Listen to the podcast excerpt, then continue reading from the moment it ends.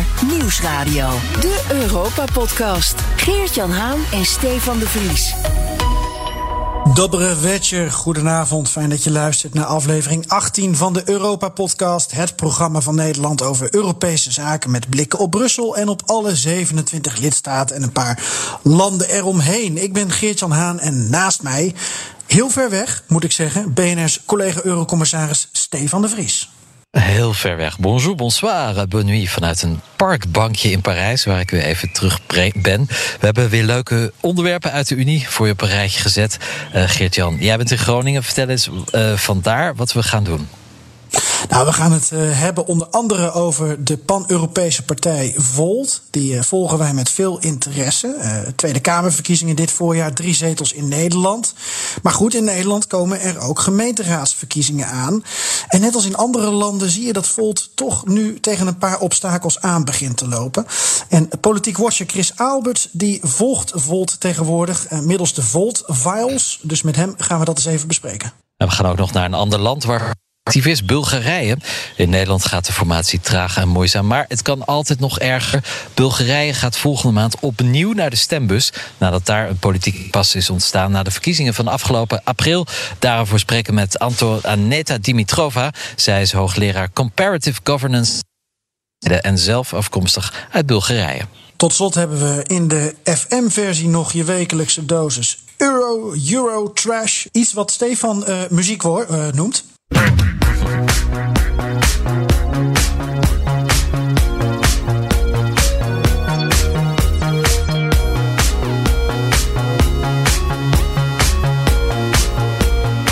Ja, ik durf er bijna niet overheen te praten, Stefan. Dit klinkt echt als fantastische muziek van eigen bodem. Fantastische muziek, ja. Nummer extra... 1 deze week, ergens in de UDI. Mijn hemel. Um, in onze extra lange podcastversie aandacht voor de vaccinaties in de EU en nog wat leestips over het land van Audi, Volkswagen en Mercedes, maar ook over het land van IKEA en ABBA. Eurocommissarissen Haan en de Vries houden de Brusselse zaken scherp in de gaten. Ja, tijd voor de Europese week. Stefan, we zitten zo'n uh, 400, 500 kilometer uit elkaar. Wat zou het zijn? En toch ergens tussen ons in, tussen Groningen kilometer. en Parijs. Ja daar is Brussel. En sinds 1 juli is Slovenië ja. voorzitter van onze Europese Unie. Dat klopt. En daar werd uh, gisteren bij het Europees Parlement in Straatsburg, op dinsdag dus, stilgestaan uh, toen premier Janis Janza ons Europees Parlement toesprak over het voorzitterschap van zijn land. Uh, hij heeft natuurlijk een dubieuze houding ten opzichte van persvrijheid en de rechtsstaat. maar ja, het was eigenlijk best een beleefde toestand. Janša haalde niet uit naar de Europese instellingen.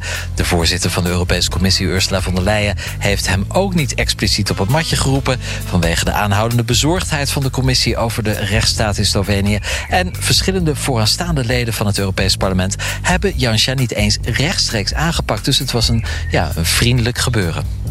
Ja, maar er was wel protest voor het parlement. Ja, Jansja werd onthaald met uh, protestborden met uh, bescherm de rule of law, bescherm de rechtsstaat. Uh, hij is natuurlijk bekend om zijn verschillende aanvallen op journalisten via zijn Twitter-account. Hij wordt ook wel Maarschalk Twito genoemd. En de Nederlandse Europarlementariër van de VVD, Malik Asmani, die beschuldigde Jansja dat hij lid wil zijn van een sinistere club van Europese leiders die niet de rechtsstaat respecteren. dat noemde hij eigenlijk, ja, bedoelde hij met Hongarije en Polen. En daar hoort nu dus ook eh, Slovenië bij. En dat is dus ja, onze voorzitter tot en met 1 januari. Ja, afgelopen vrijdag eh, zagen we natuurlijk ook dat er een manifest werd gelanceerd hè, met 16 nationalistische partijen uit diverse Europese landen. Eén daarvan, je noemde hem al, de partij Fidesz van Viktor Orban. De EU is wel redelijk klaar met Orban. Hoe gaan ze Jansja Um, ja, hoe gaat die relatie met Jansja dan eruit zien? hoe gaat Jansja Orban dan weer te vriend proberen te houden en misschien wel te helpen? Nou ja, kijk, Jansja zal natuurlijk proberen om voor zijn eigen kiezers eh, te laten zien dat hij op het Europese toneel staat. Maar ja, natuurlijk, Slovenië is een klein land. Het heeft niet zo heel veel uh, in de melk te brokkelen. Dus het zal op het Europese toneel wel meevallen. Het gaat denk ik vooral om, om zijn eigen uh, ja, imago te versterken in zijn eigen land. En als hij dan ondertussen ook nog zijn vriendjes in Polen en Hongarije kan helpen, is dat mooi meegenomen. Het zal voor ons denk ik uiteindelijk weinig uitmaken. Nou, intussen probeert de liberale fractie in het EP uh, eh, toch wel actie te ondernemen tegen Orbán. In ieder geval om zijn miljoenen uit het corona-herstelfonds af te pakken. Dat hoorden we van D66-Europarlementariër Sophie In het Veld. En dat zei ze onlangs in BNR De Wereld. Het probleem is, we hebben nu een nieuw instrument, namelijk wie de rechtsstaat schendt, die uh, krijgt geen subsidie. Hè? Zo. Ja. En uh, dat daar, het parlement uh, zit daar bovenop, de Europese Commissie. Maar waar zit het vast? Juist bij diezelfde regeringsleiders. Dit is een heel, een heel sterk instrument. En juist bij, bij Viktor Orban, omdat hij komt altijd met allerlei ideologische argumenten voor de dingen die hij doet. Maar waar het feitelijk om gaat, is dat hij gewoon al jarenlang zijn zakken vult. Ja, Stefan, kans van slagen volgens jou? Of iets waar Jansja als voorzitter nog een stokje voor kan steken? Nou, Jansja kan er waarschijnlijk geen stokje voor steken. Maar ik vraag me af of het kans van slagen heeft. Want het is echt de atoombom in de Europese Unie die je op een lidstaat uh, gooit. Als je besluit geen meer over te maken. En ik denk dat heel veel regeringsleiders dat toch te ver gaan. Gaat ook al ja, uh, halen ze in harde bewoordingen uit naar Viktor Orban. Maar om nu echt zo ver te gaan dat de geldkraan wordt gedraaid. Um, het lijkt mij onwaarschijnlijk, niet onmogelijk. Maar ik, ik denk dat de politieke wil toch uiteindelijk ontbreekt, zal het heel veel gaan om harde woorden.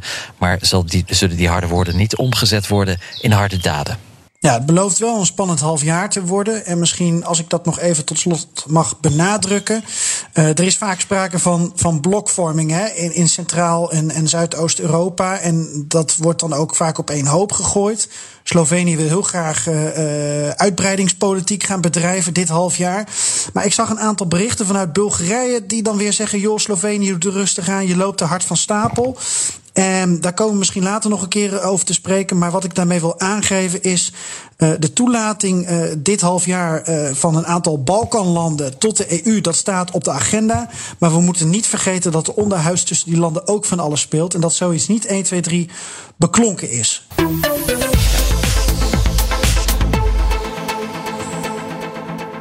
Een van de verrassingen bij de laatste Tweede Kamerverkiezingen was Volt. De partij kwam nieuw binnen in de Tweede Kamer met liefst drie zetels.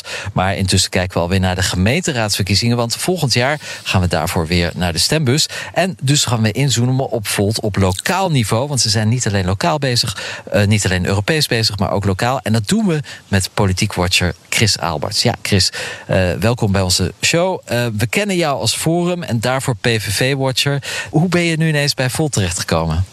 Um, nou ja, Volt is denk ik heel interessant om een hele, um, om een hele specifieke reden. Namelijk, er is natuurlijk heel veel politiek protest. Er zijn heel veel mensen die op uh, nieuwe partijen stemmen. Die uh, een beetje ver van de, van de traditionele middenpartijen afbewegen. En over het algemeen zijn dat flankpartijen waar mensen dan naartoe gaan. Hè. Dus dan kom je bij de PVV uit en bij Forum. En nou ja, we hebben er inmiddels een hele, een hele rits. Uh, 50 plus zou ik daaronder rekenen. Dieren, Denk, bij is een voorbeeld. BBB is er een. Maar er is ook tegenwoordig tegenwoordig een andere. Um, en dat is Volt. En dat is eigenlijk een club die, ja, ik zou zeggen, um, mensen die ontevreden zijn over politiek zoals het op dit moment wordt bedreven, um, aantrekt. Maar dat zijn wel mensen uit het politieke midden. En dat is een hele rare, dat vind ik zelf een hele uh, rare, maar ook interessante tegenstelling. Dat het mensen zijn die eigenlijk, denk ik, inhoudelijk helemaal niet echt iets heel anders willen dan wat middenpartijen willen. Maar die wel ook uh, ontevreden zijn met hoe heel veel dingen in de politiek gaan. Er is geen enkele partij in de Tweede Kamer eh, die uitgesproken uh, pro-Europees is. Die denkt vanuit Europa in plaats van uit Den Haag. Ja, ik ben dat niet met je eens. Uh, dit is al meteen een, meningsverschil tussen Volt en mij. Uh, ik zou zeggen dat D66 dat ook doet. Alleen D66 is niet op Europese schaal georganiseerd. Ik denk dat in die zin is het vooral een organisatorisch verschil. Um, dat is eigenlijk heel technisch. Het is ook, het is zelfs op papier, tv, radio, het maakt niet uit. Het is altijd slecht uit te leggen. Maar het is eigenlijk gaat het over hoe zet je een organisatie op. D66 is een landelijke partij. En die gaan dan met andere liberale partijen in Europa. Hè, een fractie zitten, in een internationaal verband en zo. Maar dat is dan toch redelijk vrijblijvend. En Volt doet het andersom. Die zeggen, nou, Europa is voor ons de kern. En dan zijn de landen zijn eigenlijk de onderafdelingen. Maar inhoudelijk, ja, eerlijk gezegd, ik hoorde net Sophie in het veld. Volgens mij alles wat Sophie in het veld vindt, dat vindt Volt ook en andersom. Dus daar is helemaal geen. Um, min, dat is helemaal niet, het ene is niet meer of minder Europees dan het ander. Alleen de organisatiestructuur is wel anders. Dat klopt. Klopt. Ja, in Bulgarije en ook in Nederland willen ze meedoen aan de lokale verkiezingen. Uh, wat moet je met een Europese partij op lokaal niveau, zou je vragen? Nou ja, dat vind ik de meest belangrijke vraag waar ik me nu mee bezig hou. Ik ben daar een beetje over aan het schrijven. Um, kijk, in Duitsland zijn ze vrij groot hè, op lokaal niveau. Tenminste, als je het landelijk ziet, zijn ze dat ook niet. Maar ze zijn daar wel in toch een tiental steden. Zijn ze toch wel aan, uh, hebben ze een paar zetels gehaald. Met name in Noord-Rijn-Westfalen. En uh, in een paar steden zitten ze zelfs in het college. Dus in Bonn en in in uh, Frankfurt en in Münster uh, besturen ze zelfs mee. Nou ja, je zou kunnen kijken, wat, wat doet Volt daar dan? Nou ja, en dan komen we tot een andere ontnuchterende conclusie. Namelijk, ja, wat moet je met die Europese filosofie op lokaal niveau? Nou ja, niet zo heel erg veel. Maar Um, Volt wil wel bijvoorbeeld het klimaatprobleem aanpakken. Hè. Nou, er zijn ook allerlei Europese regels voor en standaarden en zo. Dus daar doet Volt heel, eh, heel, heel trouw aan mee.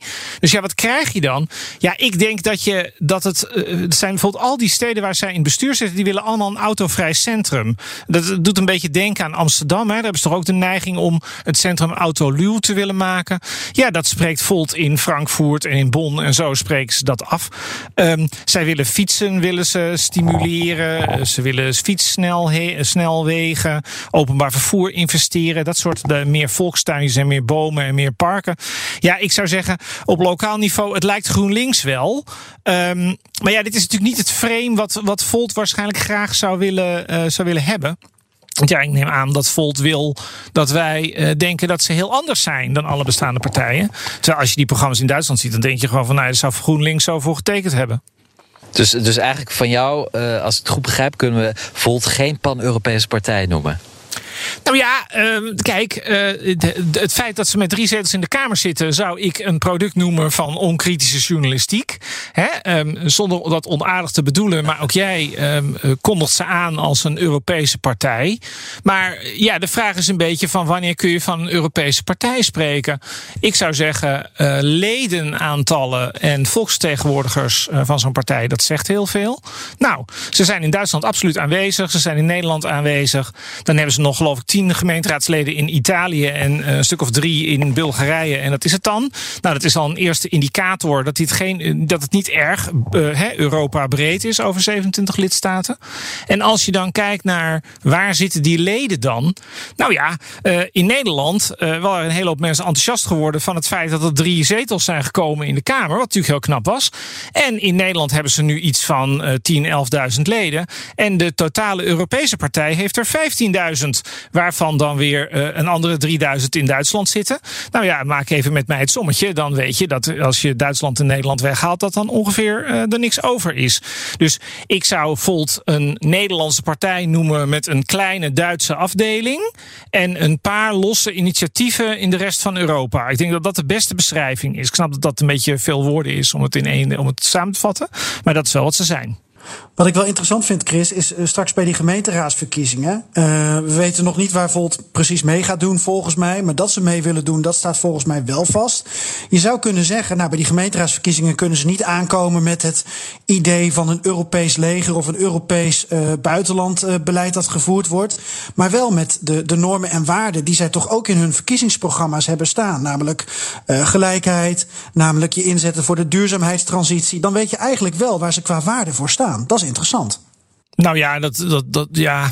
kijk, uh, elke partij staat voor waarde. Maar kijk, mijn, het, het probleem van de huidige politiek waarin alles versnippert, is natuurlijk dat je heel veel partijen hebt die eigenlijk allemaal voor die waarden staan. Ik bedoel, um, ik ben geen fan van D66, maar D66 staat voor precies dezelfde waarden als Volt. En GroenLinks staat daar ook voor. En volgens mij de P van de A ook. En ik denk zelfs bij één ook. Um, ik denk, en als daar verschillen in zitten, dan zit dat toch vooral in de branding. Dan is met name Silvana echt anders in de branding. Maar verder zijn het allemaal Europese waarden.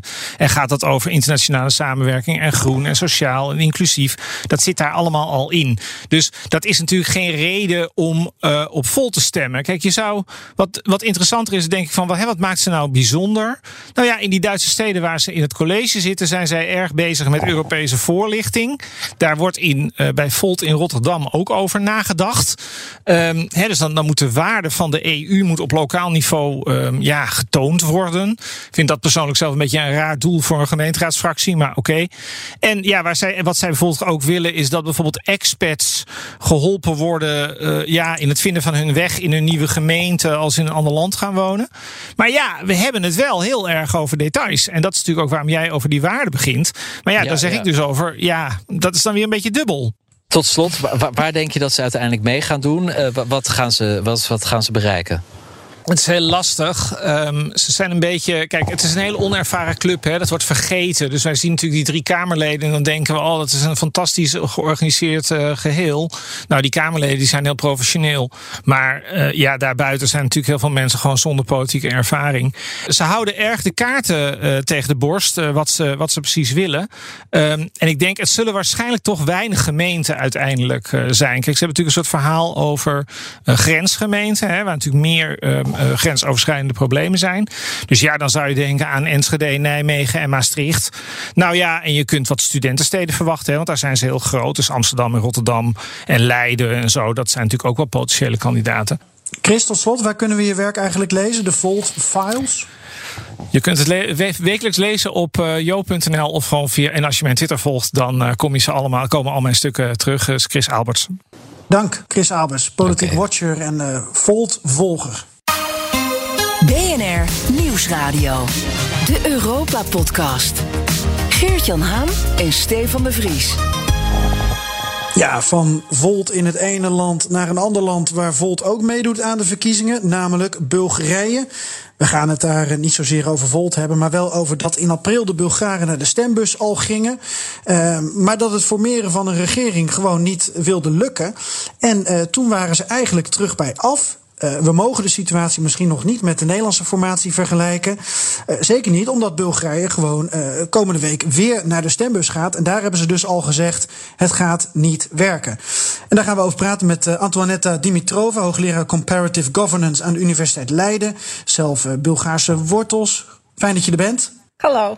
Even kort samengevat, uh, Boyko Borisov, ontzettend veel macht in uh, Bulgarije. Ook al is hij nu even geen uh, premier.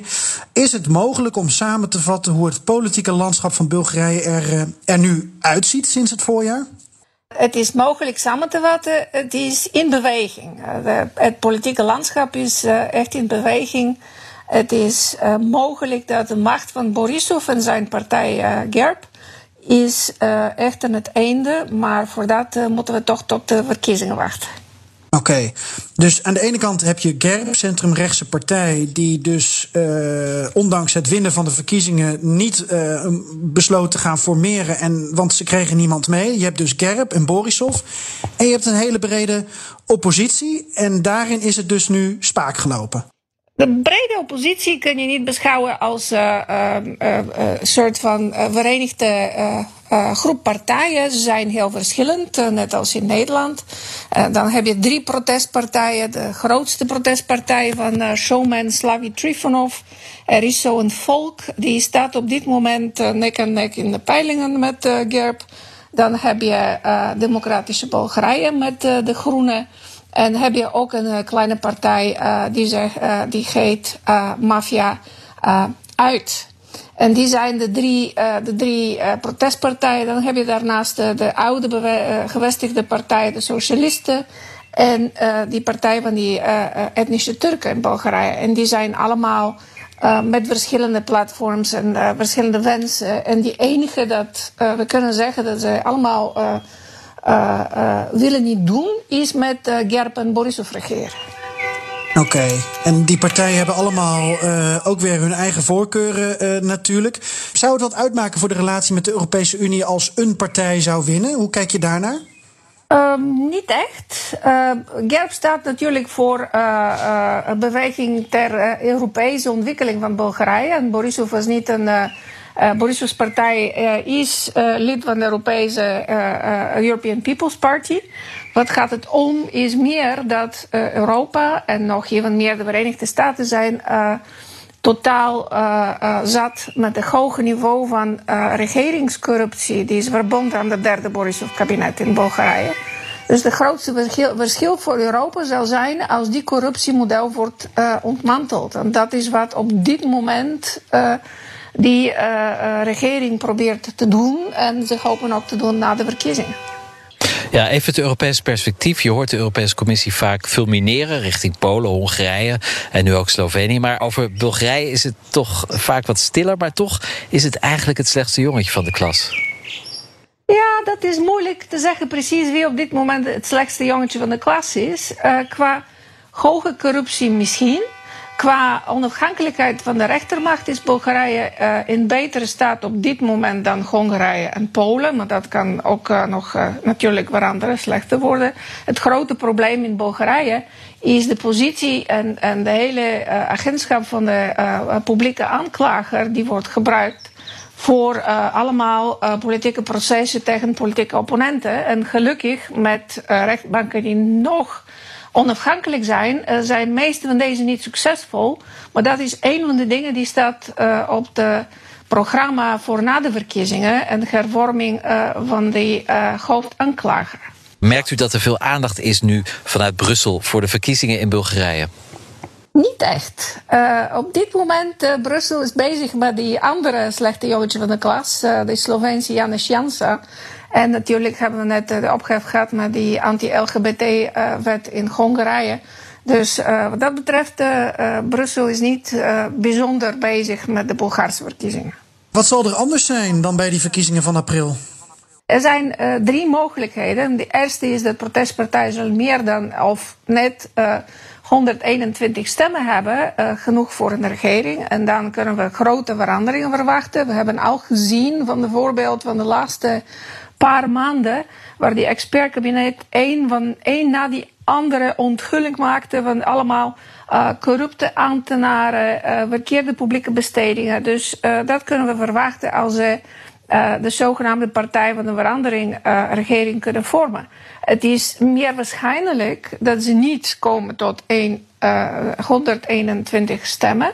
Uh, dan is het nog steeds mogelijk dat ze een minderheidsregering gaan vormen. Dan kunnen we ook uh, zoiets verwachten, maar dan minder, uh, zullen we zeggen, actief, minder, minder snelle veranderingen. En dan de derde mogelijkheid is dat GERB uh, nog steeds de grootste partij probeert, waarschijnlijk met de partij van de Bulgaarse uh, etnische Turken, een nieuwe regering te vormen.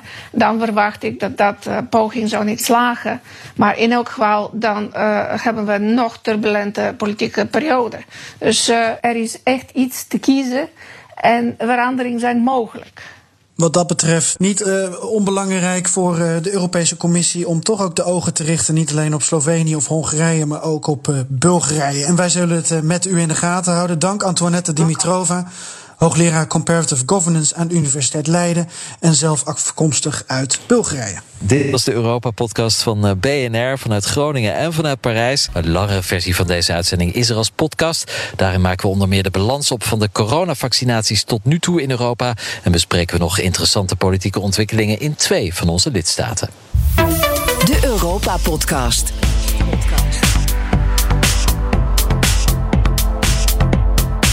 Fijn dat je luistert naar deel 2 van BNR Europa... waarin Geert-Jan Haan en ik, Stefan de Vries, je verder bijpraten... over actuele Europese zaken. Ja, zometeen uh, gaan we nog wat uh, nieuws bespreken, Stefan. Maar misschien goed om even kort te benadrukken... Uh, pourquoi jij in Parijs zijn. Ja, ik zit op een bankje in een prachtig park uh, in Parijs. Ik kijk uit over de stad. Ik ben eindelijk weer terug uh, ja, in mijn eigen echte stad.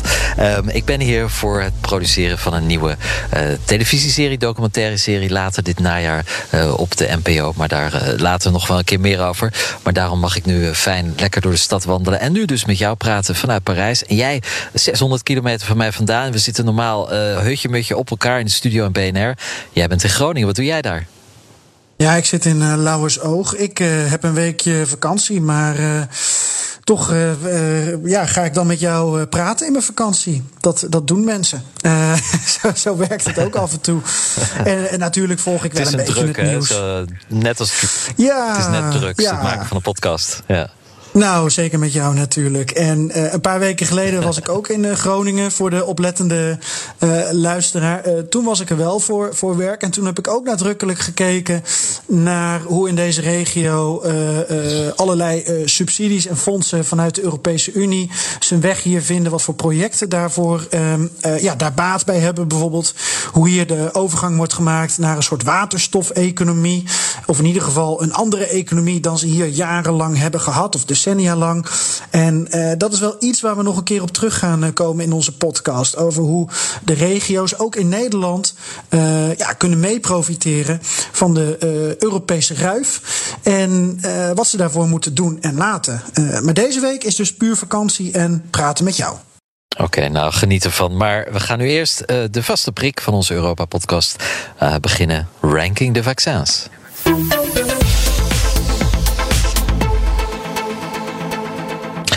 Ja, wat viel ons op aan het vaccinatienieuws? Dat vertellen we iedere week in deze podcast. Deze week eh, mocht ik me weer over de statistieken ontfermen van de European Center for Disease Prevention and Control, zeg maar het Europese RIVM. En ja, we hebben twee landen die op kop gaan. Uh, de buren, uh, België met 77,7 procent van alle volwassenen die minimaal één dosis hebben gekregen. En dat was de stand begin deze week. Nederland volgt heel snel op 73,3 procent. Dus we zitten echt in de kopgroep. En dan volgt Finland, Malta, die het heel lang uh, heel goed deed. Uh, en Denemarken. Dus dat is de top 5. Uh, we doen het heel goed. En ja, kijk je naar de hekkensluiter. Dat is nog steeds Bulgarije. 16,8 procent maar van de volwassenen heeft daar een eerste prik gehad. En als we kijken naar wie volledig gevaccineerd is, ja, dan staat Nederland op de zesde plaats met ruim 44 Koren en België komt daar meteen achter met 43,6 procent. Dus de Belgen mogen weer trots zijn. Nederlanders ook een beetje. Maar de Belgen staan bovenaan als het gaat om één prik. Bijna vier op de vijf volwassen Belgen heeft dus al een prik gehad. Bijna de helft is al volledig gevaccineerd. Dus in ieder geval Nederland en België kunnen voorlopig binnenkort echt weer helemaal open. Ja, deze wekelijkse shot uh, statistieken van jou uh, gingen nu in zo'n moordend tempo dat ik even niet weet. Heb je nou het EU-gemiddelde nog genoemd? Nee, dat niet. Uh, we, ook Nederland en België ver boven het EU-gemiddelde van 4 procent. Ehm, ja, dus ongeveer bijna twee derde. Het doel was altijd 70 procent. Dus ik denk dat we daar ergens eind volgende week uh, aankomen. Uh, 40 procent van de Europeanen is nu volledig gevaccineerd. En in heel veel landen kunnen nu ook kinderen vanaf 12 jaar gevaccineerd worden. Dus komt er een grotere groep bij. Maar die statistieken hebben we nog niet. Maar ongetwijfeld in de volgende aflevering uh, hebben we weer alle procentjes van alle prikken in alle Europese landen. Ja, en nog even Bulgarije. Hadden we het in de FM-versie ook uitgebreid over. Uh, op vaccinatiegebied toch een beetje het ADO Den Haag uh, van de, de, de, de vaccinatiecompetitie. Ja, vier onderaan. Ik zei het net al, nog geen 17 procent met één prik. Uh, dat is echt dramatisch. En ja, we hebben het al vaker gezegd: het, het, vaccineren heeft alleen maar zin als we straks allemaal gevaccineerd zijn. En natuurlijk loopt de Europese Unie heel erg voorop uh, inmiddels in, in de wereld, samen met de VS, Israël en het Verenigd Koninkrijk. Maar pas als de hele wereld ja, boven de 70 procent zit, dan kunnen we zeggen dat we corona eronder hebben. Maar daar zijn we nog lang niet. Nederland en België dus bijna Europees kampioen. Veel beter dus op het EK voetbal. Maar op het EK vaccinatie stukken goed. Ja, nou, um, toch, nu we het over voetbal hebben. Italië, finalist uh, op het EK. hoe staan zij ervoor? Ja, wel oké. Okay. 67,4 procent. Maar dat gaat niet echt meer omhoog. Dat zien we ook Kijk, we hadden het daar ook al eerder over. Daar is het plafond nu echt wel bereikt. Uh, ongeveer 60, 63 procent van de volwassenen. Daar komt bijna niemand meer bij. Dus dat is ook verontrustend. En de Franse regering praat er nu voorzichtig over om vaccineren voor iedereen verplicht te maken. Dus ja, dat wordt ook nog een politieke strijd. Uh, waarschijnlijk in het najaar. Maar in ieder geval, Frankrijk, Italië uh, bewegen niet meer zo, zoveel. En dat is toch ja, verontrustend. Ook omdat natuurlijk heel veel mensen daar met vakantie zullen gaan de komende weken. Nou, Forza eh, Azuri in meerdere opzichten dan. Media Watch. Ja, van België, Nederland en Italië gaan we naar Zweden en Duitsland. Geert-Jan. Ja, de Groenen gingen als een eh, raket aan het begin van de campagne voor de verkiezingen eind september. Uh, maar er is nu weinig meer van over. Zo beschrijft uh, de Belgische zakenkrant De Tijd uitgebreid. Heeft te maken met de enorme ophef over het plagiaat dat mogelijk zou zijn gepleegd door mevrouw Baerbock, die de Groenen momenteel aanvoert. En er zijn natuurlijk ook geluiden die dan nu opgaan om te zeggen van joh, nou die andere voorzitter die de Groenen dan hebben, maak hem dan eigenlijk nu partijleider of maak hem de leider in aanloop naar die verkiezingen. Want dan blijft er misschien wat van de Groenen nog over en van hun opmars. Nou, er zijn heel veel media hierover berichten, maar het artikel in de tijd is wel een, eh, een aanrader op dat, uh, dat vlak. Um, ja, en een andere Belgische site dan, Knak. Daarin uh, zagen we een opvallend verhaal over Zweden, Stefan. Ja, wij hadden de nacht van eh, Rutte, al, al lijkt alweer heel lang geleden. In Zweden hebben ze nu de weken van Löfven. Eh, Stefan Löfven, de premier van Zweden. Vandaag woensdag wordt duidelijk of deze premier kan aanblijven... ondanks een motie van wantrouwen. Want ook in Zweden hebben ze een heel ingewikkeld systeem. Um, en het parlement beslist daar of de premier mag aanblijven... of die opnieuw premier mag worden, want dat is eigenlijk demissionair. Um, daar is dus een grote regeringscrisis. Uh, de kans bestaat dat Leuven wel terug zal komen. Um, want zeker nadat de linkse partij, uh, die een sleutelrol vormde bij de meerderheid, heeft besloten om niet tegen te stemmen. Um, maar ja, zijn, dan zijn er de Groenen, is de Centrumpartij. En ook in Zweden heb je een grote populistische rechtse partij. Hele ingewikkelde situatie als hij niet de nieuwe premier wordt, dus de oude premier wordt weer de nieuwe, dan komen er automatisch binnen de drie weken nieuwe verkiezingen. Um, en ja, daar zouden wij wat van kunnen leren. Er zijn dus echte deadlines. En ja, die gewone verkiezingen, die, die, kunnen eigenlijk, die zouden gepland zijn voor volgend jaar. Maar dat kan nu eerder plaatsvinden. en ook daar zeggen ze, ja, we willen eigenlijk geen extra verkiezingen. We willen stabiliteit en veiligheid tijdens de pandemie. Uh, misschien dat wij er nog van wat kunnen leren. Maar in ieder geval een grote puinhoop. Het lijkt wel een handleiding van een meubel van IKEA. Maar in ieder geval in de Zweedse politiek is ook van alles en nog wat aan de hand. Vanavond weten we of Stefan Löfven kan blijven als premier van Zweden. Ja, en over stabiliteit gesproken. Ik hoor helemaal geen uh, sirenes meer bij jou. Dat uh, was wel even anders aan het begin van deze uitzending. Nee. Het is hartstikke stil. Ik hoor alleen maar vogeltjes. Ik denk dat de Fransen uh, een siesta aan het doen zijn. En dan is het nu tijd voor een stukje cultuur naar de mensen toe. De nummer 1 in Ja, net als vele anderen deze maand gaan we naar Spanje.